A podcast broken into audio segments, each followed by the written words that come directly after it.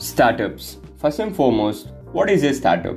A startup is a young company founded by one or more entrepreneurs to develop a unique product or service and bring it to market. By its nature, the typical startup tends to be a shoestring operation with initial funding from the founders of their friends and families. The first challenge for a startup is to prove the validity of the concept to potential lenders and investors. Startups are always risky proposals, but potential investors have several approaches to determining their value. So, how do we understand a startup? In the early stages, startup companies have little or no revenue coming in. All that they have is an idea that they have how to develop test, and market.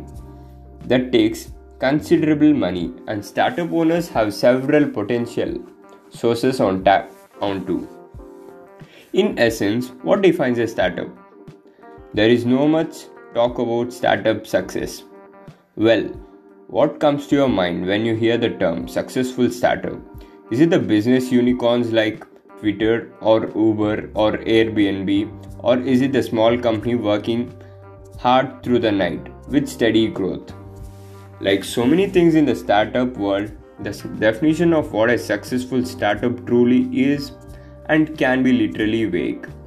All business owners take a different approach to determining what's considered as an accomplishment within their organization. But if there is any one has to learn from the rise and fall of many successful startups, it is predicting a successful startup maybe not that easy. So, what are the different ways a startup could look like? A successful startup is one that has impact. For most founders, profits and revenue are merely a result of their startup. Real purpose, that is, to make a positive impact in the world. For the more practical minded, a successful startup might be measured by how much on an impact it's had. Possibly the coolest, richest guy on the planet. Elon Musk definitely saw it. That the way he said it. When I was in college, I wanted to be involved in things that would change the world, and now I am. He measured his success not in terms of financial success, but in terms of how he can change the impact of the world. A successful startup is one where people are happy with your service or product.